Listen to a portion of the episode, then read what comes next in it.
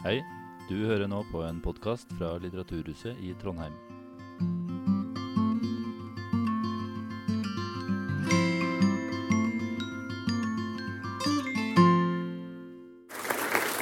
Ja. Velkommen til Litteraturhuset. Eh, Vi er samla her i dag for en debatt om, eller en samtale, vil jeg si, en vennlig samtale, eh, om venstresida sitt forhold til innvandring og eh, nasjonalisme. På bakgrunn av ei bok som heter For eh, Listhaugs eh, metode, som er skrevet av Magnus Marsdal. Og sammen med han så har jeg med meg her eh, Linn Herning og Amal Abdinor. Og sjøl heter jeg Kari Kristensen. Og Magnus Engen Marsdal. Du er da forfatter og leder i venstresida eh, si tankesmie Manifest. De politiske motsetningene pleier å samle krefter og tanker i det de kaller tankesmier. Og, og Manifest er da altså arbeiderbevegelsen sin samling av tanker og ideer. Og du er eksiltrønder. Stemmer det. Ja. Eh, Men vi, vi trønderne vi ser deg jo mest på Dagsnytt 18 og Internett og sånn. Eh, Men for 13 år siden så skrev du boka Frp-koden eh, om hvordan Frp klarte å stikke av med arbeiderstemmene. Og nå har du da gjort det igjen. Du har skrevet en bok om Sylvi Listhaug. Eller rettere sagt om hennes metoder. da. Sånn andre, sånne venstresidemenn de skriver bøker om andre side, venstresidemenn som er døde, og sånn, men du går i annen retning. da. Så da jeg er litt nysgjerrig nå. Hva er det med liksom, Frp-politikerne, og, og, og særlig Sylvi Listhaug, som fascinerer deg sånn?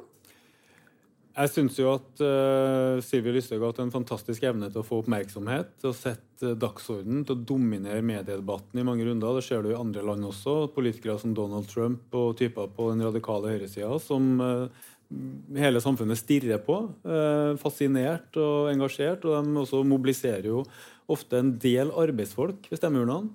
Det er middelklasse også, men det er mange arbeidsfolk som venstresida tidligere tok for gitt. Tenkte at eh, De fattige, de hardtarbeidende og sånn, de stemmer på venstresida, men det gjør de jo ikke alltid.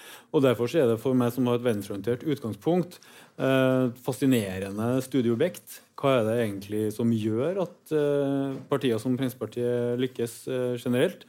går jo opp og ned med dem som alle andre, men at de tar det som venstresida tenker på, som våre velgere også, da. Eh, Men også Listhaug spesielt. For jeg tror at det ikke finnes noen politiker i dagens Norge som engasjerer så sterkt som hun. Både tilhengere som ser på hun som redningen for et Norge på randen av en multikulturell avgrunn, men også oss som kanskje ikke liker henne så godt, da, som syns at hun er en, ja, en rød klut, da, for å si det forsiktig. Ja, for hun er liksom ikke en sånn type som man sier sånn Ja, hun virker ålreit. Eller hun, hun er OK. Hun, det, enten så er hun er fantastisk, eller så er hun helt forferdelig. En, Litt sånn som Trump.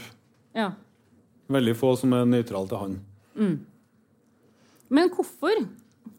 Hva, du, du er fascinert, men hvorfor har du da skrevet en, eh, en, en bok om, om Eller en håndbok, vil jeg jo si, mot høyrepopulismen? Ja, det stemmer at det heter 'Håndbok mot høyrepopulismen' som undertittel. Og det er fordi jeg tror venstresida, alle som ikke stemmer Fremskrittspartiet, som tross alt er et overveldende flertall i Norge, bør interessere seg litt og finne ut hvordan er det sånne partier klarer å dominere dagsordenen, og kanskje prøve å hindre at det skjer. Eh, en av tingene er jo at ofte motstanderne går på limpinnen da, og, og hjelper dem med å få den oppmerksomheten de søker. Eh, Men det er også fordi det er noen vanskelige debatter som vi sikkert kommer tilbake til i løpet av eh, seansen her i dag også, om forholdet til innvandring, til rasisme, til de tingene som sånne parti fyrer opp velgere og vinner stemmer med, som setter venstresida i noen vanskelige dilemmaer, da, eh, der vi gjerne vil snakke om, eh, om det som mobiliserer ja, våre partier og sine folk. ikke sant? Eh, Listhaug vil snakke om sine saker, kanskje innvandring, eh, fremmedfiendtlige ting eller sånn. Eh, og hvordan eh, håndtere venstresida den utfordringa som hun er. Det har jeg prøvd å utforske litt. Og, og diesel har jeg sett, og det har du òg frekka deg litt med i avisene og sånn. Skryt av at du kjører dieselbil. Det er ikke noe skryt av det, men eh, sånn en dieselmasta fra 2008 Det var det vi hadde råd til. Men det er klart jeg liker jo å terge mine venner i MDG. Ja, det, du også gjør det, ja. Fyk rundt i sånn Oslo sentrum. Ja, ja. Ja. Vi har alle en liten Listhaug i oss, kanskje. Ikke alle, men jeg har det. Ja. Eh, Men hva er Listhaug sin metode sånn Ja, vær så god. Ja, Det er jeg veldig glad for at du spurte om, for det Ja. har jeg jo skrevet i boka. Listhaugs metode. Ja. Så jeg skal gi et kort riss. Listhaugs metode er et politisk kampsportmønster med tre teknikker i fast rekkefølge. Jeg kaller dem frekk apekatt, uskyldig dådyr og rasende løve. Først frekk apekatt. Si noe frekt, noe skandaløst, noe provoserende som å angripe en maktesløs minoritet og klemte så hardt at media må trykke på den store skandaleknappen, så håper du på hardest mulig fordømmelser fra motparten. Men som den frekke apekatten du er, så har du lagt inn en kalkulert flertydighet i utspillet. Og Så kommer uskyldig dådyr. Når fordømmelsene hagler, så skal du spille uskyldig med store, blanke dådyrøyne. Det var selvsagt ikke sånn du mente. Det var aldri i dine tanker. Så den frekke apekattens kalkulerte flertydighet hjelper det uskyldige dådyret ned i offerpositur. Hva galt har jeg gjort? Eh, Det er de andre som er slemme mot meg. Um, og så kommer den rasende løven. fordi Opplevelsen av å bli misforstått med vilje og hengt ut uten grunn gjør deg egentlig ganske opprørt. Så I tredje fase går du som en modig løve løs på den politisk korrekte eliten. Det moralske meningspolitiet som forsøker å mobbe og sjikanere og true og kneble annerledes tenkende til taushet. Og det var vel egentlig det du hadde mest lyst til å si hele tida. Det er en veldig interessant kampsportteknikk som brukes i land etter land og parti etter parti. med en frekk eh, provokasjon. For eksempel, eh, jeg tror ikke at homoene tjener på å danse halvnaken rundt i gatene på de pride-greiene sine. Og Da kaster alle seg over Listhaug og sier 'hva var det du sa?' Havner i Dagsnytt 18, og så sier han nei, jeg bare gir et velment råd. At jeg tror ikke det tjener saken. Det var bare det jeg skulle si. Eh, Men når det er sagt, så vil jeg slutte slutt på at homobevegelsen mobber og stempler annerledes tenkende, og så er den løven der igjen. ikke sant? Så det, det som ofte er dilemmaet, er jo skal man i hele tatt reagere på den frekke provokasjonen. Gi sånne partier oppmerksomhet. Um, og få dem, Da er de jo der de vil. da. Få masse taletid. Få rase mot eliten, de politisk korrekte og sånn. Uh, eller skal man holde munn? Men hva skjer da? At du lar krenkende utsagn, stigmatiserende påstander passere, angrep på minoriteter. Hva slags samfunn får du da? Så der er et dilemma. Og det som var litt morsomt, å nevne til slutt, da det her ble lansert tidligere i år og diskutert, eh, og Dagsavisen skrev en leder om Listhaugs metode med de tre kampsportmønstrene, så ble jo reaksjonen fra Sylvi selv med en gang Åh, nå kaller jeg meg en frekk apekatt. Hadde noen annen partileder blitt kalt for ape, så skulle du sett på hva om vi kalte Lan Marie Berg på den måten. Men Fremskrittspartiet må tåle alt. Eh, men det er altså en kampsportmetafor, sånn som man bruker i Kina. Snikende drage, skjult tiger eller sånne ting. Det er ikke en påstand om at hun egentlig er en eh, laverestående art. Nei. Ja, det, er litt sånn som i, barnehagen. Kanskje vil på sånn, sånn, eh, sånn Det var andre som begynte, eller dem som begynte, eller Ja. Ja, Offerposituren, og Ja. også at du på en måte legitimerer egne aggressive utspill, egne aggressive angrep på andre, enten det er feministeliten eller Arbeiderpartiet eller, eller sånn, med at du selv har blitt så veldig krenka, eller at dem har snakka så sykt om andre. Så det er akkurat som du sier, et slags sånn blame game. Men eh, sånn som jeg ser på det kampsportmønsteret, så er det egentlig en måte å legitimere egen politisk aggresjon på, gjennom å hele tida sette seg i offerposituren og være den krenka parten. Og Det gjør jo også at motstandernes reaksjon er så viktig. Det at venstresida kaster seg over Frp-ere, kaller dem X og Y og Z, har alltid vært en kalkulert del av spillet til først eh, Carl I. Hagen, og nå særlig Sylvi Listhaug. Linn Herning, du er historiker, og du er daglig leder i, eh, for Velferdsstaten. Det er altså en allianse av organisasjoner som jobber med å fremme og videreutvikle velferdsstaten vår. Eh, du har i mange år jobba med research rundt det venstresida kaller velferdsprofitørene, og står også bak boka med samme navn, eh, 'Stopp velferdsprofitørene'. Du har også lest boka til Magnus. Hva er dine første tanker når du var ferdig med den? Eh, nei, For det første så tenkte jeg at det, dette her var nyttig. Eh, både for den gjennomgangen som Magnus har nå av den høyrepopulistiske strategien med provokasjon. Eh, og for det andre fordi at det også, det også i boka er en, en gjentagelse av noen av de tingene som kom fram i Frp-koden. Eh, om hvordan forskjellige segmenter ser forskjellig på verden. og at ikke det for, oss som, eh, som hører, hører, hjemme på venstresida, sånn som jeg har jobba først og med økonomiske spørsmål, opptatt av arbeid-kapital-linja, altså den tradisjonelle venstresida arbeiderbevegelse, den typen ting, men at det også er en akse som går på kulturverdier, og som ofte skiller forskjellige eh, velgergrupper. Og, og den eh, var nyttig da den kom for hva var det, 15 år siden. og, sånt nå, og den analysen er fortsatt, eh, fortsatt nyttig. Uh, og så syns jeg at han har uh, noen interessante refleksjoner rundt hva som skjer i Danmark, som vi kanskje kommer innom. og så, jo, så, er det også på en måte noe som går kanskje litt mindre på selve boka, men litt mer på hvor venstresida er enn i, i, dag. Mm. Fordi um, jeg kan kanskje si at både Magnus og jeg har jo i hovedsak jobba med da, den økonomiske politikken. Og jeg uh, har jo skrevet et par ting nå i det siste som går på den uh, opprinnelige strategien, eller den strategien som jeg, jeg si, var tilhenger av, og fortsatt delvis er tilhenger av i møte med høyrepopulismen. Nemlig at vi må få de økonomiske temaene på dagsorden igjen. For det er det som er det som samler eh, breie breie lag av folk, eller vanlige folk, eller folk flest, eller hvordan, hvordan du velger å kalle det. Eh, og det var kanskje noe av den første sånn, strategien med hvordan man skal møte høyrepopulismen, som ikke bare var sånn latterliggjøring eller eh, Nei, det der er bare noe rare greier. Altså, som, som, var en sånn konkret strategi som, som mener at det har mye for seg. Men så har jeg også gjort meg en refleksjon rundt at jeg tror ikke det er tilstrekkelig fordi at den verdipolitiske aksen også er en viktig del for venstresida. Eh, fordi at også verdipolitikken, som vi kan kalle det, eller kulturpolitikken, setter veldig konkrete rammer og begrensninger for folks liv. Og hvis du kan tenke deg at det venstresidas prosjekt er, det er at folk skal kunne leve sine liv så fritt som mulig. Eh, så så er det ulike maktstrukturer, og noen av de går langs aksen arbeid-kapital. Og jeg mener at den er veldig viktig. Men du har også likestillingskamp, mm. du har antirasistisk kamp, du har andre verdikamper, kan du kalle det, som legger helt konkrete og helt faktiske begrensninger på hvordan folk sin, kan leve sine liv. Og da kan ikke vi si sånn Nei, det må vente, fordi nå må vi samle gjengen rundt økonomi. Det er ikke tilstrekkelig.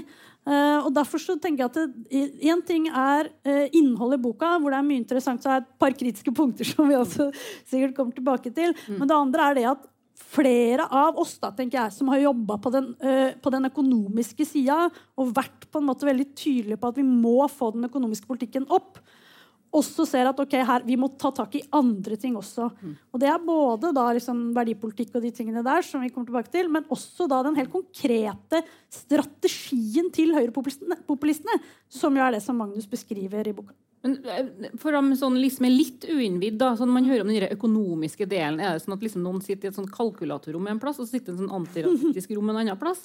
Eller kan ikke det her gå litt sånn sammen i samme rommet? Altså, Vi har jo begrensa kapasitet. Ja. altså, man, vi, kan ikke, vi, kan ikke, gjøre, engasjere oss i alt. Og jeg har jo en konkret jobb som daglig leder i For velferdsstaten. Vi jobber med velferdsstatsspørsmål. Uh, og da har vi jobba veldig mye med uh, privatisering av velferdstjenester. Mm. Markedsretting av velferdsstat. Tidligere har vi også jobba med og jeg med det også, altså internasjonalt handelsregelverk. Altså andre typer spørsmål enn Jeg har for aldri jobba med kvinnespørsmål. Og det har for min del vært helt bevisst. Mm. Jeg har ikke ønska å jobbe med det. Jeg ønska å jobbe med økonomi. Mm. Eh, og så um, kan det gå hånd i hånd, absolutt. Og det tror jeg kanskje i større grad det må. Men det var en diskusjon på venstresida, det er vel sånn begynnelsen av 2000-tallet, eller noe sånt nå, hvor man, hvor man hadde en refleksjon rundt at måten å på en måte bryte høyrepopulismen på, var å snakke om økonomiske spørsmål. Ja, du, Fordi den, det er går det sånn som... hele tida. Den går sånn hvert uh, fjerde år, åttende år. ikke sant? Men det er bare, bare snik inn det det hører med til historien mm. at uh, før det Linn Herne beskriver nå, uh, og fram til liksom for 15 år siden, så var nesten alle utspill, f.eks. Rødt eller RV Jord, handla om utenrikspolitikk eller verdipolitikk. Mm. De hadde et program der det sto masse om arbeiderklassen, men det var bare palestinaskjerf og Kurdistan hele tida. Mm. Så den radikale venstresida i Norge har vært veldig utenrikspolitisk orientert og så mm. verdipolitisk orientert. Mm. Uh, mens i praktisk politikk mm. så har den mangla noe på det vi snakker om nå. da. Eh, og det har forandra seg det siste, særlig tiåret, med både Rødt og SV. Ja, kjapt, eh, Linn. Ja, fordi at det var, altså det var Jeg tror det er et godt poeng. Men eh, ja, venstresida var veldig dårlig på økonomisk politikk. For jeg som med privatisering, dro jo rent på masse møter, og venstresida kunne ikke argumentere mot privatisering. Da ble jeg litt sjokkert. Og så ble jeg kjempeengasjert i det og jobba masse med det. Og, og mange på venstresida kunne ikke liksom ha en, en god forklaring på hva vi skulle med velferdsstaten. Det var bare, ja, men sånn er det bare. Altså, vi var ikke gode nok på den tradisjonelle økonomiske politikken.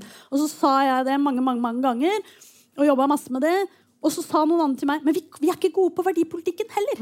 Vi er ikke gode på rasisme heller. Vi er ikke gode på, På noen ting, liksom. Nei, men, altså, nei, men jeg Ja. tror at det er helt reelt at venstresida har vilt på laurbærene. Mm. Jeg, jeg mener det, altså, vi, har, vi har jo fått velferdsstat. Vi har jo fått mye bedre stilling for kvinner. Mm. Så man har på en måte hvilt litt på laurbærene. Vi har lent oss tilbake i strekkelsen på 90-tallet. Ja, jeg mener det. Ja. Eh, og apropos Arbeiderpartiet. Amal Abdinor, du er jo utdanna geograf og er prosjektmedarbeider i Trondheim kommune, hvor du jobber med kommuneplanens samfunnsdel. Du er også eh, vararepresentant for Arbeiderpartiet i bystyret i Trondheim.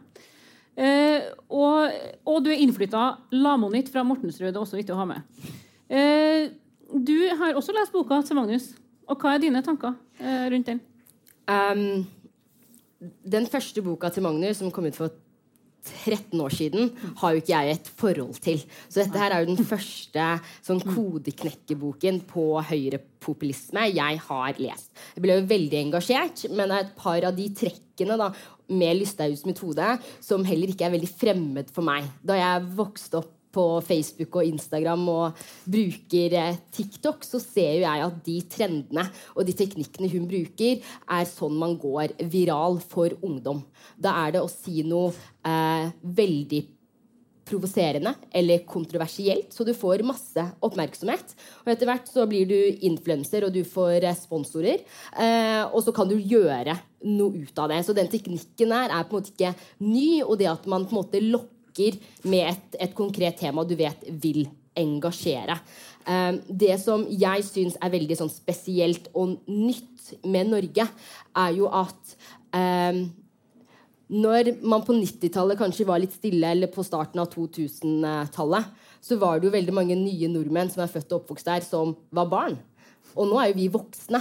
Så når man da snakker om eh, man skal nødvendigvis ikke gi folk som sier provoserende og rasistiske ting, den oppmerksomheten, så er det nødvendigvis ikke politikerne som gir dem den oppmerksomheten. Det er jo de ungene og de voksne som føler seg truffet av det, som faktisk nå for første gang i en generasjon er en masse som faktisk har en stor stemme. Og det er jo på en måte et element i eh, diskursen eh, og forståelsen av hvordan disse verdispørsmålene her skal møtes, er jo at premissene for denne generasjons frihetskamp skal jo være vår. Slik som premissene for friheten til homokampen og til feministene. Det var jo ikke satt ovenfra og ned. Det handler om hvordan man går inn og forstår da et samfunn. Og det som også er veldig sentralt for venstresida og arbeiderklassen, er jo nettopp det at det var en gruppe mennesker som satte, eh, satte tydelige krav for hva de ønsket for at de kunne leve gode og frie liv med en trygghet. Og da er dette her også en gruppe, da, de som på en måte er på enden av denne metoden og, og denne teknikken. Det er jo den gruppen man er nødt til å skape legitimitet til. fordi at når man snakker om verdispørsmål innenfor sosial kontroll og likestilling, så er dette her grupper som man snakker om og ikke med. Hvordan, Hvilke krav er det man stiller til minoritetssamfunnet om deres deltakelse versus hvilke krav man stiller til majoritetssamfunnets meddeltakelse i denne utviklingen her? da, Skal dette være noe eh, man bare gjør sjøl, sosial kontroll, er dette noe man bare løser selv i innvandrermiljøene, eller skal man ha en form for det allierte? Og det er det jeg syns er litt sånn spennende med denne boken. her, At den tar opp for det første ting som min generasjon har vært veldig klar over er måten man blir kjendis på. Eh, men på det andre at de stiller også krav til hvordan da eh, venstresida har nødt til å se samfunnet. Eh, at det ikke skal ses ovenfra og ned, men at man skal være en del av den gruppen og skape og bygge legitimitet hos dem. Fordi venstresida er frihetskamp. i mine øyne. Magnus? Nei, Jeg tror det er kjempeviktige poenger, ikke minst i Oslo, som er et ganske flerkulturelt sted. ikke sant? Mange med innvandrerbakgrunn og sånn. at du ser Fremskrittspartiets skjebne der er jo veldig elendig. Det er jo nesten ingen som stemmer Fremskrittspartiet i Oslo nå. De var jo størst der før. Nå er de jo på sånn 5% det er sånn halvparten av Rødt og sånn. Og en av grunnene til det kan jo være at den typen fremmedfiendtlige holdninger og sånn, det bare fungerer ikke med de generasjonene som har vokst opp i så mye tilgang på mange landbakgrunner. At det er, bare, det er jo en krenkelse ofte mot hvite, heletniske norske folk. Føler seg jo krenka av sånne ting. For det er jo alle kompisene mine. Folk som går på de skolene og sånn. Det er bare helt uhyrlig, helt utenkelig for mine unger som er oppe i ti år, den eldste. Allerede så ser du liksom en sånn aggressiv holdning mot fremmedfiendtlighet og rasisme som bare får inn med morsmelka. og Det skaper en helt annet utgangspunkt. Mens i den diskusjonen til venstresida, som har vært eh, f.eks. Frp-koden som kom i 2007, som hadde en diskusjon om det nettopp Linn Herling har snakka om, at vi må fokusere på det som samler. Eh, interessekamper, økonomiske spørsmål, eh, ja, svarte og hvite sammen mot de rike. liksom En idé der. ikke sant? Så har det utarta til noe som er ikke like så godt, som du ser tydelig f.eks. i Danmark, der ledelsen i sosialdemokratiet springer etter velgerne til Dansk Folkeparti. og Det er jo et slags ytterliggående Frp i Danmark, som er en mye hardere retorikk og, og, politikk også. Og i et forsøk på å nå de arbeidervelgerne, de hvite mennene, da, som er lett å se for seg, så dels så toner man jo ned kampen mot rasisme. Man anser det, det som et splittende spørsmål. Og dels så kan man bli ganske innvandringsfiendtlig sjøl. Men allerede på det første punktet så steiler jo jeg som, som uh, sosialistisk orientert uh, type. da. Fordi hvis vi skal altså, samle arbeiderklassen, vi skal ha en politikk som er, alle skal med, mm. som er basert på fagforeninger, arbeideryrker og sånn, så ser du på den gjengen som mener dine kompiser fra Mortensrud, som vokste opp på Oslo øst, mange innvandrergutter, hvilke yrker får de? da? Hvem er det som gjør arbeiderjobbene i storbyene i, i Vest-Europa og i Norge? Hvor stor andel innvandrere har vi i de typiske LO-yrkene? Det er jo enorme andeler. Hvis du også teller med østeuropeerne, mm. så er jo arbeiderklassen multietnisk så det holder. Så, så som jeg ser det, så er en antirasistisk politikk det eneste som kan være samlende og bygge en klasseenhet og fellesskap.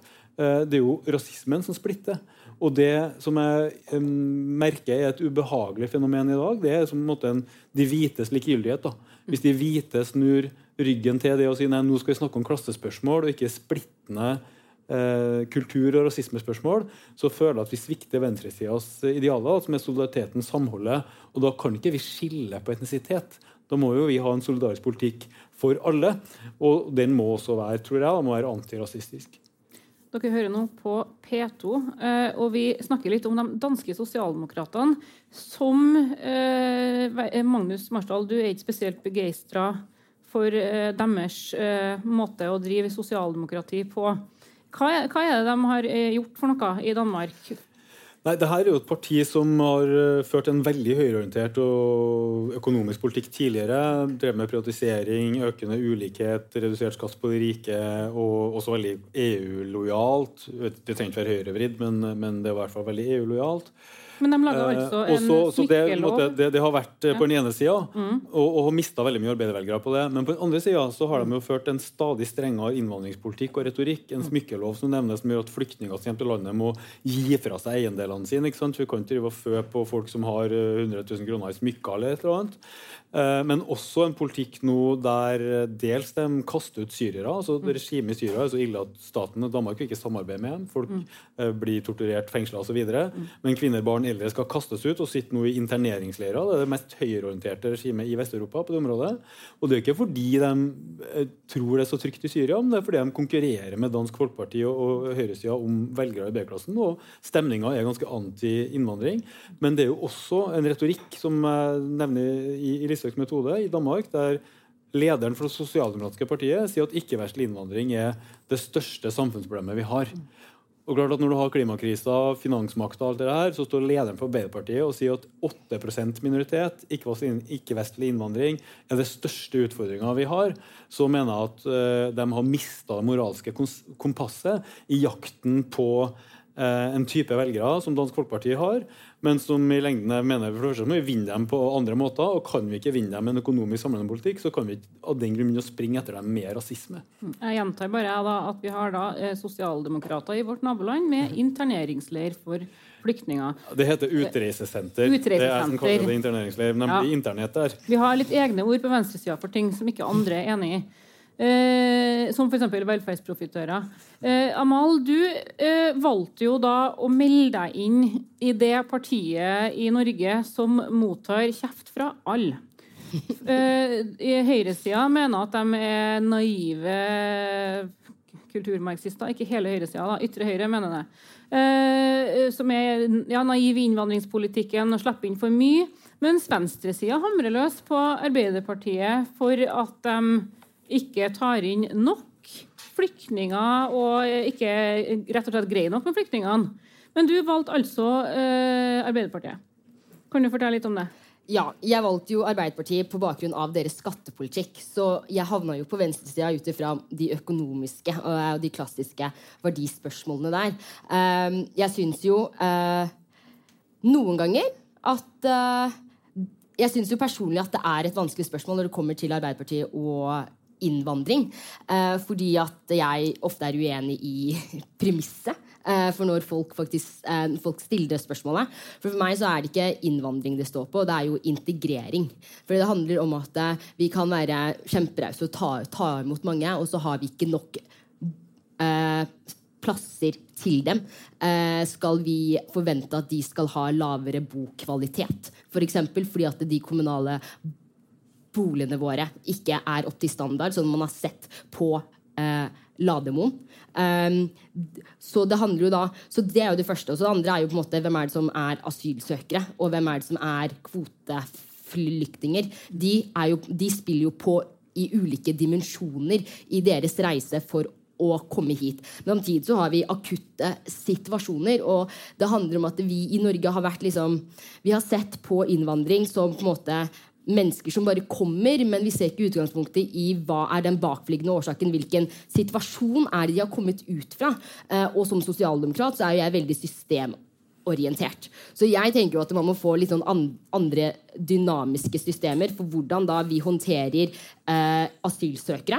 Ved at de vil ha mulighet til å kunne ta utdannelse mens de er her. At, at livskvalitet for dem står veldig sentralt, og derav liksom ventetid på asylsøknad. Så har du da de som er eh, i flyktningleirer, som vi får inn gjennom FN. De må jo gjennom en annen sluse der igjen. Og plutselig så er det en akutt situasjon eh, i Hellas eller en flom eller et eller annet. Da må jo det være et annet system som på en måte håndterer det. Så vi har jo bare sett på det som en sluse med folk, og ikke sett på hvordan vi på en måte kan tilpasse dette her. Og det er jo der jeg tenker at Arbeiderpartiet eh, evner å kunne finne en god løsning på det.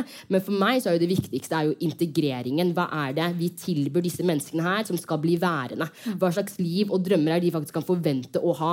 Vil de kunne få seg jobb? For eksempel, hvor, hvordan eh, hvordan vil det se ut? Og det er jo vel så viktig, fordi hvis den ulikheten der eh, øker, da vil jo på en måte også eh, problemene, de sosiale problemene knytta til økt eh, rasisme og fremmedfrykt. Da har man jo flere ting å slå på. Så når eh, en av de tingene som jeg ofte finner veldig provoserende, da, er jo at når Frp har snakket om eh, at folk ikke lærer norsk samtidig som da de har kutta i norsktimer. Mm.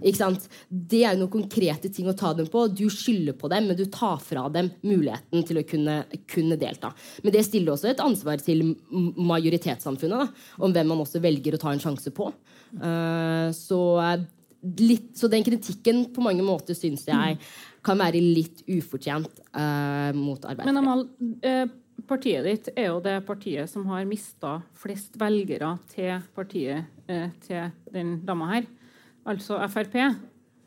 hva tror du er årsakene til, til det? jeg tror at det handler i veldig stor grad om den polariserende debatten. Uh, egentlig. Uh, fordi, uh, og det så vi på en måte en, en vending på nå, da, men det handler om alt fra kli klimaspørsmål Tradisjonelle arbeiderbygder som er store industribygder. og så opplever de da at man i metropoler eller i nærheten av en større by og en region eh, behandler klima på en annen måte. Dette her handler jo om arbeidsplasser til folk. Da. Så hvis man da ser at man mister mye av forutsetningene og liksom Uh, fremtidsutsiktene sine, så vil man jo på en måte Da er det noen som snakker ditt språk, men det betyr ikke at vi har nødt til å endre vår retorikk fordi at noen føler at de mister uh, seg og sitt fordi de har en sånn egen førsterett på det. At de har en sånn at, at nesten føler seg på noen kanskje områder mer, mer verdt. da. Hvis det er sånne mennesker man velger, så må man også finne en måte på hvordan er det vi kan sikre de trygghet i deres hverdagsliv, for deres inntekt, for deres helse, istedenfor å på en måte eh, bite på den knaggen ved at man setter noen folk høyere enn andre. da. Linn? Ja, det, er, lov å klappe, ja. Ja, vi, må, vi må ta med den applausen vi får. Men, nei, for den jeg tenkte jeg skulle fortsette litt det der som, eh, som Amal slutta, kanskje. eh, Med et sånt sitat som jeg kom over eh, når jeg leste en bok om alternativ for Tyskland, som heter 'Det mest mørke Tyskland'. Det er et sånt sitat da fra en sånn ekspert på alternativ eh, for Tyskland, som er da høyre, populist høyreekstremistisk eh, bevegelse i Tyskland, eller parti i Tyskland. Som sier at populistenes komfortsone slutter der realpolitikken begynner. Og eh, jeg tror at i en del av dette her så handler det om å ta, ta det ned. Fordi at, som du sier, den derre eh, Du kan kalle det sosiale medier-logikken eller medielogikken, hvor du slenger ut noe veldig provoserende, og så har du det gående på det nivået der. Og så det, holder du det da veldig langt unna realpolitikken. Eh, Men hva er realpolitikken? ja, realpolitikken er jo konkrete saker. Eh, altså helt sånn som du sier, altså hvordan det faktisk eh, utspiller seg. da. Eh, og en av de, de casene som, eh, som Magnus er innom i boka, som vel er ganske kjent, det er jo den Facebook-posten til Sylvi Listhaug. Eh, som gjorde at hun måtte, måtte gå som minister etter en lang prosess og bla, bla, bla. Men der er jo utgangspunktet at det, det var jo det var jo en sånn utrolig provoserende Facebook-post. Og så, og så ble hele diskusjonen ble jo på en måte da flytta til å handle om den Facebook-posten istedenfor hva det konkrete forslaget handla om. Fordi det konkrete forslaget er jo på en måte eh, Der tror jeg at hvis man hadde klart å få den debatten liksom ned igjen på det konkrete forslaget, så, ville, så er det mye bedre for venstresida. Fordi populisme, det populismen på en måte nærer seg av og lever av, er jo å holde debatten unna de konkrete politiske sakene, men på et sånt veldig høyt provokasjonsnivå. eh, Og veldig ofte langt unna sier, altså, realpolitikken. da. Eh, og så tror jeg også, for å, for å kommentere en, som, eh, en annen ting som vi kanskje ikke har vært så mye inne i, men som, som Magnus skriver en del om i boka si, og det er jo denne Listhaugs metode om at det er sånne provokasjoner. Og at det veldig ofte er såkalt verdipolitiske provokasjoner. Og så hvor man går veldig langt og sier et eller annet som ikke er så veldig konkret, men noe om innvandring og noe om dieselbil eller et eller annet sånne greier. Og så, eh, så, setter, så setter Magnus opp i boka et dilemma eh, som handler om når, det å passe seg for ikke gå på limpinnen. Ikke, ikke være med på, på det spillet hele tiden. Og det tror jeg er helt riktig. Samtidig så er det sånn at det er en del viktige verdipolitiske saker som vi ikke må slippe. Og da tror jeg at det er veldig viktig å prøve å tenke gjennom hva som er verdipolitiske provokasjoner som enten eh, Frp eller andre på den eh, ekstreme eh, populistiske Det er jo noen glidende overganger der. Det er jo mange som er verre enn Frp, og noen som ikke har det på en måte ansvaret for å være anstendig, som gjør mye drøyere ting. Som sender ut ting som er provokasjoner, for å flytte, enten for å flytte hele debatten eller for å avlede debatter. Det er noe annet enn de verdipolitiske sakene som kommer fra de som rammes. Og jeg tror det er veldig viktig at vi prøver å skille mellom de. Fordi vi, det er de verdipolitiske sakene som kommer fra grupper som ønsker å ta opp ting. Og det kan være minoriteter, det kan være kvinner, det kan være skeive, det kan være hva som helst. ikke sant? Eh, som ønsker å ta opp ting. Da er det viktig at da kommer solidariteten inn. Ikke sant? Og selv om det er en del sånne saker, som høyresiden gjerne kan spinne videre på. Det å lære seg å skille mellom hva som er en, en, en viktig sak, og hva som bare er en provokasjon. Det tror jeg er helt avgjørende. Og, og heldigvis så har vi jo med oss eh, han som er ekspert på det her i dag, som har skrevet håndboka mot det her. Magnus Marsdal. Nei, Det er jo helt riktig som Linn Erling påpeker, at uh, trekker opp et dilemma i boka Listhaugs metode. fordi Det er jo lett å si ikke gå på limpinnen, ikke lag en masse bråk rundt uh, f.eks. Fremskrittspartiet hvis de kommer med en verdipolitisk provokasjon. Men problemet er jo hvis det betyr at de bare får holde på og si ting. Og så gå gjennom en konkrete case. da, for eksempel, så sa Listhaug en gang at flyktninger kan ikke forventes å, forvente å bæres inn i Norge på gullstol. Det ble jo et uh, helvetes rabalder, som Ingve Hagens ville ha sagt. Mm. Uh, og da drøfter jeg litt det og finner ut at den der syns jeg bare vi skal la ligge. Jeg synes at Ordet gullstol er ikke så farlig. Og da kan du si som um, du sier om en femåring som prøver å få oppmerksomhet. da. Nei, det er bare femåringen prøver å få oppmerksomhet, men vi fokuserer på denne treåringen som faktisk trenger hjelp. For sånn er det hjemme hos meg. at Femåringen kan bli misunnelig når treåringen får hjelp, og så truer med å knuse vasen. Men der har du liksom dilemmaet. da. Skal, skal, du premiere destruktiv atferd og gi oppmerksomhet til den som prøver å ta oppmerksomhet, eller skal du bli ved treåringen? Men ta det med snikislamisering. da. Siv Jensen sa jo at Norge var trua av snikislamisering. Det er en minoritet som på det tidspunktet kanskje var 4% av befolkninga, maks, som da anklages for å prøve å ta over samfunnet på en snikete måte. Mm. Og da tenker jeg Det er jo bare en provokasjon. Mm. Men samtidig så flytta grensene for hva som er akseptabelt å si. og det her var jo en partileder i stort parti. og da eksempel, Per Kristian Foss og andre han er fra Høyre da, men også andre som prøvde å sette ned foten og sa det der, der går ikke, og vi arresterer utsagnet, vi fordømmer utsagnet. Og sånn. Mm. Og det konkluderer jeg med det om det syns jeg er riktig. Mm. Fordi du kan ikke spre en hatefull eller en ondskapsfull konspirasjonsteori om en bitte liten minoritet, og så skal de andre bare snu ryggen til å late som ingenting. Og akkurat det samme med det som gjorde at Listhaug måtte gå som justisminister. Hvis landets justisminister påstår at Stortingets flertall svikter borgernes trygghet, for de har en litt annen mening om hvordan fremmedkrigere fratas passet sitt, som var stridens kjerne, og at du skal anklages for landssvik bare fordi du ikke er enig med justisministeren, mm. da har det gått for langt. Og det her er en vanskelig vurdering eh, hver gang da, som prøver å få fram i boka at det er ikke gitt på forhånd hva som er fasit i, i taktiske spørsmål. Det, det, det, er jo kjempevanskelig, for hun spyr jo ut masse. Det er jo som en sånn propagandamaskin som bare får ut masse hele tida. Og så skal man liksom velge ut da, skal jeg reagere her, eller skal jeg ikke reagere. Og, og Linn, du nevnte, vi snakka litt tidligere i dag eh, om um, en, eh, en, benk i Oslo. Eh, og det handler om, da, om, kommunepolitikken. Eh, I kommunepolitikken så stilles det veldig mye rare forslag. Alt om sånn, sånn, at det er noen fugler som plager noen, og de vil ha bort noen fugler, eller de vil ha, fjerne et tre for at den skygger fra, stola, eh, skygger fra sola. Og så plutselig en dag så kommer det noen som vil ha fjerne en benk. Og, alle sånne forslag er ganske normale å, å få opp i bystyret. Også, men, men, i Oslo så var det noen som ville fjerne en benk fordi at den var rasistisk. Og da ble det eh, eh, fyr og flamme i kommentarfelt. Eh, og, og for at, at, noen skulle fjerne en benk, det får jo liksom ikke så mye oppmerksomhet. Men med en gang noen ordet rasisme, mm. da Kan du si litt om det? Ja, jo, Jeg skrev en, en sak om dette her i, i, dagens Klassekampen. fordi Det er en refleksjon som jeg har gjort meg fordi jeg elsker Botanisk hage i Oslo. Jeg går gjennom der hele tiden. Men når den, eh, når den debatten rasa, så ble jeg sånn som ofte man blir, og sånn som jeg hører litt også gjentatt i det du sier.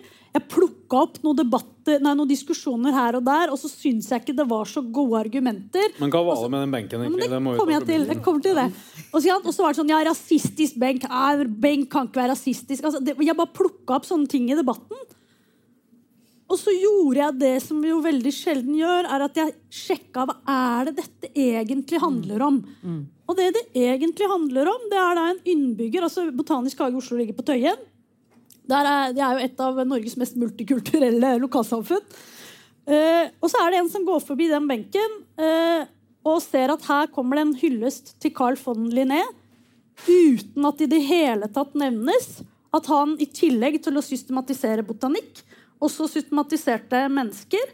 Og at det er det faglige referansepunktet for den moderne eh, forsøket på å vitenskapeliggjøre rasisme. For det er en benk som er tilegna mm. von Linné? Ja. Mm. ja. det er en benk som, som tilegna uh, von Linné. Og det har jo vært altså, i, i, i, i, eh, denne delen av Botanisk hage, som da kalles systematisk hage, så er jo planter organisert etter Linnés system. Det er aldri noen som har reagert på det. Men så kommer det da en, en benk, og så er det en som Det som er poenget her, det er at hun, det hun gjør, det er at hun sier sånn Ja, nei, nå, åpner, nå møter jeg opp på, eh, på åpen halvtime i bydel Gamle Oslo. Og så sier jeg at jeg syns at, eh, at eh, hvis vi først skal ha en benk til ære for Linné, så kan det godt stå også denne delen av hans historie. Og så tar lokalpolitikerne da, denne tilfellet fra SV så tar de det opp med Universitetet i Oslo med Botanisk hage. Og poenget her er at løsningen var veldig enkelt. Jeg gikk gjennom der i dag. Det står fortsatt benken. Nå står benken der med en liten plankett. En bitte liten plankett hvor det står litt om botanikken og litt om eh, den rollen han har hatt som faglig referansepunkt i utviklingen av den moderne rasismen. Og det løste seg helt fint. Mens hvis man ser på debatten, så handler den om helt, helt andre ting. Og det er aldri noen som har brukt og som har sagt at denne benken er rasistisk. Det er det aldri noen som har sagt. Men det hun sa, det er at for meg så Hun som klaget på det, hun sier sånn For meg, som da har- er farga, og som blir utsatt for rasisme, så er det et bitte lite eksempel på at rasismen systematisk usynliggjøres i vårt samfunn. Og når et universitet, altså det er Universitetet i Oslo som eier Botanisk hage, når et universitet setter opp en benk til da von Linné, så er det helt gjennomgående at da er det bare botanikken vi snakker om. Ikke den andre delen. Ja. Og, og er vi litt ikke Karl Linné så mye mer i kveld. Eh, Amal? Ja, nei, Jeg har egentlig lyst til å bare bygge litt videre på det. fordi jeg har jo opplevd kjernen i akkurat den debatten, som er noe som egentlig opptar meg i en ganske stor grad, er jo eh, Det kan høres veldig radikalt ut. er jo avkolonialiseringa av akademia. Sant? Det handler om hvem sin historie er det man forteller. Jeg har jo også bakgrunn fra, fra Afrikastudier, men også geografi. Eh, og jeg var ganske tidlig satt i en spennende situasjon, fordi en av, måte, en av måte, de sto, store mm, mannfolka innenfor kart er jo Otto von Bismarck. Så, det var jo, eh, så han ble jo nevnt om viktigheten for kartografien, hvorfor vi forstår kart også, også vi gjør i dag. Fordi jeg er en såpass Fordi jeg sier ifra, da. Eh, og det var veldig ubehagelig, for det stiller jo krav til meg som enkeltindivid om å stå foran 150 mennesker og si fram. Ja, men også Otto von Bismarck han eh, satt også med linjal og delte opp Afrika i 1887. Ikke sant? Eh, det hadde ikke mine medlever fått det med seg hvis ikke jeg sjøl hadde tatt et eget initiativ. Så det stiller jo veldig mye krav til enkeltindivider, også hvordan vi forstår samfunnet, men også hvordan måte, eh, rasismen også kan være maskert. Så eh, for videre det er jo det den debatten har handlet om for veldig mange i på en måte, akademia, eh, som er minoriteter, er hvordan vi forstår verden, da, og hvem sin historie er det man forteller. Og da, er, da er mitt poeng at når de sakene blir tatt opp fra folk, det er da vi skal være solidariske. Det er da vi skal stå opp. Det er da vi skal si denne kampen skal vi ta. Fordi den er viktig for dem. Da er den viktig for oss. Det er solidaritet. Og det er da vi skal gå inn. Og da må vi ta den saken uavhengig om noen latterliggjør og prøver å tulle og sier at dette her er bare en liten tullete symbolsak. Nei, ja, det er en symbolsak. selvfølgelig. Det er jo ingen som liksom benk eller ikke benk. Det er ikke en stor sak, men det er en mulighet til å snakke om hvordan rasismen usynliggjøres. Og da kan vi istedenfor å latterliggjøre det, som jeg da var med på helt i starten, angrer, så kan vi stille oss solidariske, og så kan vi ta den anledningen der til å ta et oppgjør med uh, usynliggjøring av rasisme. Ja, jeg tenker også at det er ingen tvil om at den vestlige arven av imperialisme, kolonialisme, gjennomsyra rasisme osv. er ganske usynliggjort, For det passer ikke med selvbildet til Norge til Vesten osv. F.eks. at nordmenn var med og finansierte og tjente penger på slavetransporten. Det er jo ikke noe du lærer på skolen, stort sett. Så det er en lang vei å gå med å få orden på det der. Eh, Men problemet med argumentasjonen litt, tenker jeg, at det kan bli for sinnelagsetisk. For at sinnelagsetisk, altså den korrekte holdninga her, er å støtte alle sånne krav. Men konsekvensetisk Hvis det f.eks. fører til at eh, offentligheten domineres av symbolsider om statuer og benker, så kan vi godt mene at eh, ja, i prinsippet så har vi all mulig rett til å holde på med det, men hvis det tar oppmerksomheten fra andre ting, og, og, og bli det som vanlige folk assosierer med venstresida, så har vi et problem. For at det er såpass eh, symbolske kamper. da. Og skal man først begynne å rive ned statuer pga. det folk har gjort ved siden av sitt, eh, det de blir hylla for, hvis du tar alle de utsugerne, eh, landeierne, kapitalistene osv., slaveeierne som står rundt omkring på sokkel, så får du jo nesten ikke gjort noe annet. Så det kan ikke liksom være tilstrekkelig argument for den politiske prioriteringa at kravet i og for seg er korrekt. Eh, Vi må også veie konsekvensene. eh, fordi det er fullt mulig å bruke eh, Å bli liksom den venstresida som, eh, som ytre høyre vil at vi skal være. da. Som driver med de symbolske og kulturelle tingene framfor um, annet. Så det må være en balanse i det, tenker jeg. Ja, eh, Vi skal snart begynne å snakke om hva, vi, hva som er fasiten. Det er vi glad i å snakke om. fasiten. Hva er det beste for venstresida nå? Eh, Linn, du får eh, halvt minutt. Først Nei, på det, Det- du egentlig skulle si. Ja, nei, på det du egentlig skulle si. Ja. Ja, nei, nei, for at det, det her jeg tror jeg er litt uenig med Magnus. eh, og det er eh, hvor mye plass det skal få. Jeg, tror at vi må gjøre begge deler.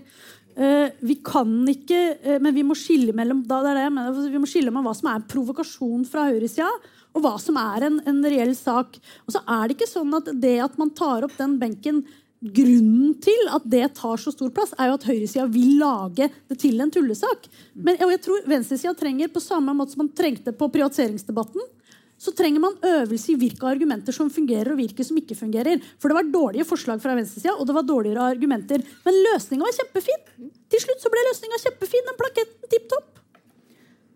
Men altså, gjør venstresida noe feil òg, da? Altså, har, vi, har vi feila i innvandringspolitikken, f.eks.?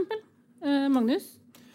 Eh, Nei, jeg vet ikke om det har fungert så veldig dårlig i Norge. Jeg synes det virker som det går ganske bra. Det er økende toleranse og sånn jevnt over. Vi har feila kanskje litt i arbeidsinnvandringspolitikken og sånn. Men et område jeg tror venstresida både i Norge og internasjonalt har litt problemer, er det jeg vil kalle liksom det at man stuper inn i kulturkrigen fordi at det er det enkleste, moralsk sett. Fordi hvis jeg alltid tar stilling for ethvert antirasistisk utspill, bare det er godt ment. For enhver krav om avkolonialisering av uh, musikkpensum, da, på Musikkhøgskolen eller sånn, altså at jeg bare på default støtter alt som er klima, alt som er minoritet, alt som er sånn, fordi at da slipper jeg i hvert fall å få kritikk fra mine egne. Fordi at jeg liksom svikta i kampen, eller at jeg var litt imperialistisk eller jeg var litt for mye hvitmann. Det er jo egentlig eh, et behagelig ståsted, men jeg har ikke noe tro på den taktikken. Jeg tror at vi må være liksom eh, vi, vi må forholde oss til konsekvensene sånn- av, av de valgene også. Da. Og, og jeg mener at når venstresida i USA for eksempel, er så marginal som den er, og så lett å latterliggjøre for høyresida og mainstream, så handler det om at venstresida av og til har vært en konkurranse i å være mest radikal. Om det er på den ene eller andre måten. Altså, mest, og- mest ja. antikapitalist, mest solidarisk med enhver minoritet overalt uten å trenge å kunne noe om engang. sant? Så jeg er veldig for avkolonisering av pensum. Jeg, er veldig, jeg mener at vi lever i en imperialistisk, ofte rasistisk kultur. Eh, en mannsdominert kultur og sånn. Men eh, vi må i alle de sakene her vurdere konkret hva fører til. For eksempel om man kaster stein på den rasistiske, mange mener rasistiske gruppa Sian. da. Fordi at det er Sinnelagsetisk veldig forståelig at du vil eh, gå til tydelig motaksjon mot noe du mener krenker menneskeverdet. og sånn. Eh, Men hvis det fører til at gruppa får økt oppmerksomhet og bare oppnår det de vil, så har du faktisk et ansvar for dine handlinger også som, antirasist. Og det mener jeg gjelder i alle sakene. Og Du kan ikke på forhånd bestemme at jeg støtter maks uansett, bare fordi det er en god sak. Det er om å gjøre å være mest mot, liksom. I Ja, ja, det, det kan bli i hvert fall litt for, litt for enkelt. da. Ja, litt for enkelt. I Trondheim så hadde vi en kjempefin eh, sak for å fjerne rasismen. Vi flytta den til Ila, eh, foreslo dem i bystyret. Det var vel ikke du så begeistra for, Magnus? Nei, altså det mente Bystyret i Trondheim vedtok at man ville forhåndssensurere fremmedfiendtlige ytringer som er i strid med Grunnloven å gjøre. da, for Vi har ikke forhåndssensur i Norge. Og For meg så var det en vekker på at kan si vanlige liberale frihetsprinsipper står svakt. Og jeg mener at venstresida av arbeiderbevegelsen har kjempa fram ytringsfriheten, og du må forsvare den, også mot ytringer som du hater, egentlig. Men det finnes selvsagt en grense i, i rasismeparagrafen på det området her. Eh, Men det finnes altså ingen adgang til forhåndssensur. Eh, og Det synes jeg var egentlig litt trist å se, at et rød-grønt flertall ikke var, ikke var klar over sin egen grunnlov. Uh, men, men mange Magnus, hvis vi skal til, til avslutt her um, For noe må jo hun godeste Sylvi Listhaug gjøre riktig, og er det noe vi kan lære av? Ja, altså, Jeg har jo alltid um, ment at det er veldig mye å lære av særlig av Karl Ivar Hagen. da. Og Karl Ivar Hagen ser jo på Bjørnar Moxnes som sin lærling.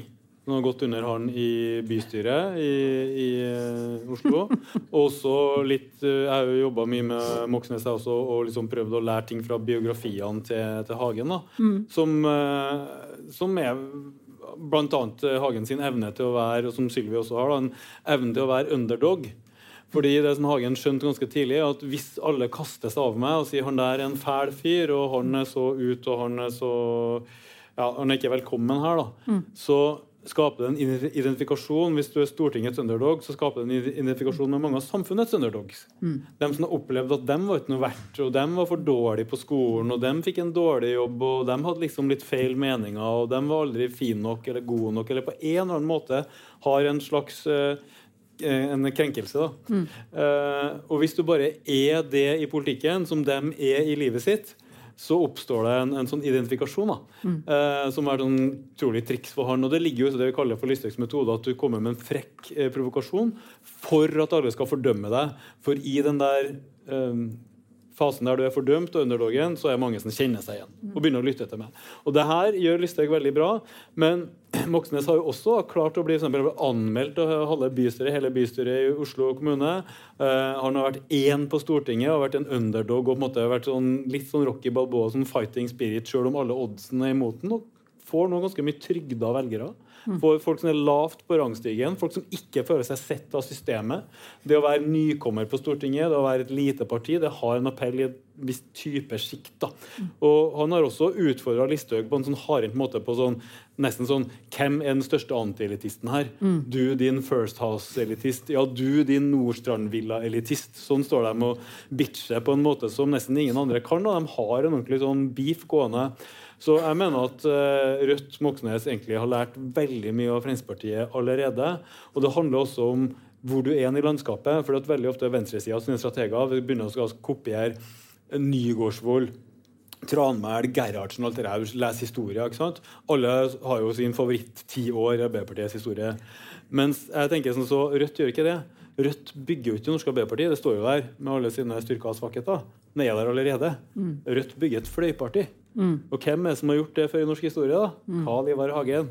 Så jeg mener at Rødt sin dreiebok er egentlig mye med Fremskrittspartiet når det gjelder en del sånne kommunikasjonsting.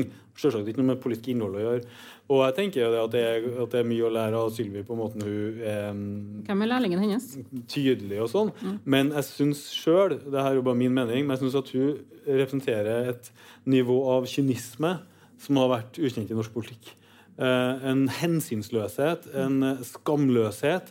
Der Facebook-posten hun ble felt for, påstanden om nærmest landssvik fra Arbeiderpartiet og stortingsflertallet, for de var uenige i en detalj når det gjaldt eh, fremmedkrigeres statsborgerskap. Felt av lærlingen til Hagen der, altså? Ja, nei, så jeg, jeg mener at hun nesten er en klasse for seg sjøl. Og at i forhold til hun så er det litt mindre å lære. Fordi for meg det er jo Alle dem som elsker oss, gjør det motsatt.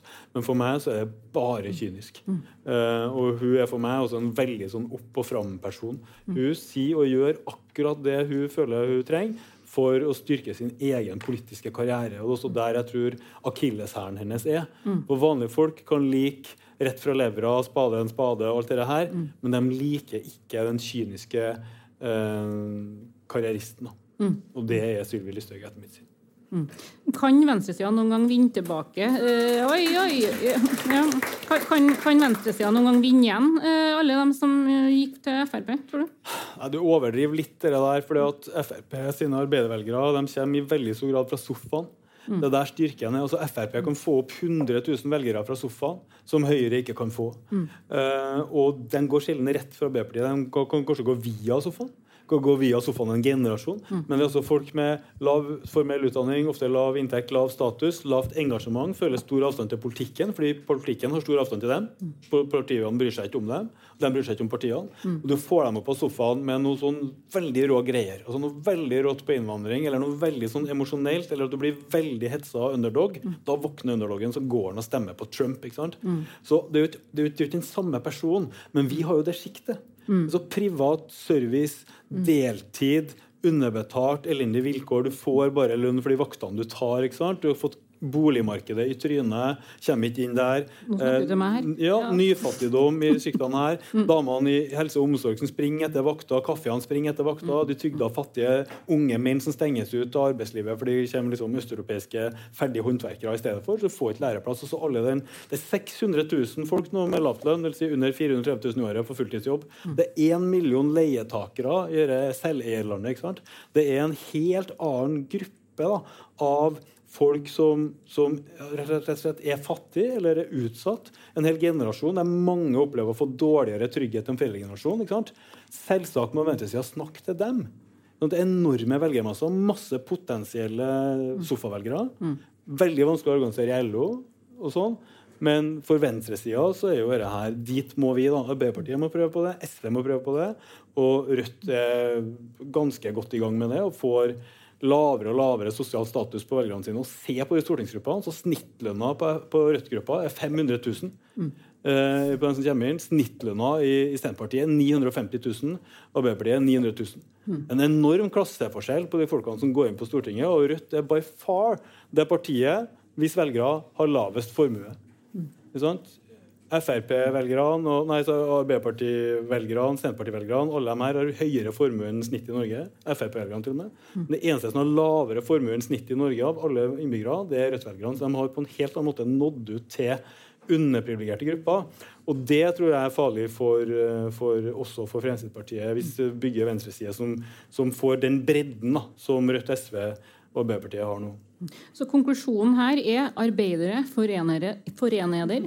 Eh, vi takker for oss eh, fra Litteraturhuset. Vi har snakka om eh, Listhaugs metode, boka Listhaugs metode av, av Magnus Marsdal.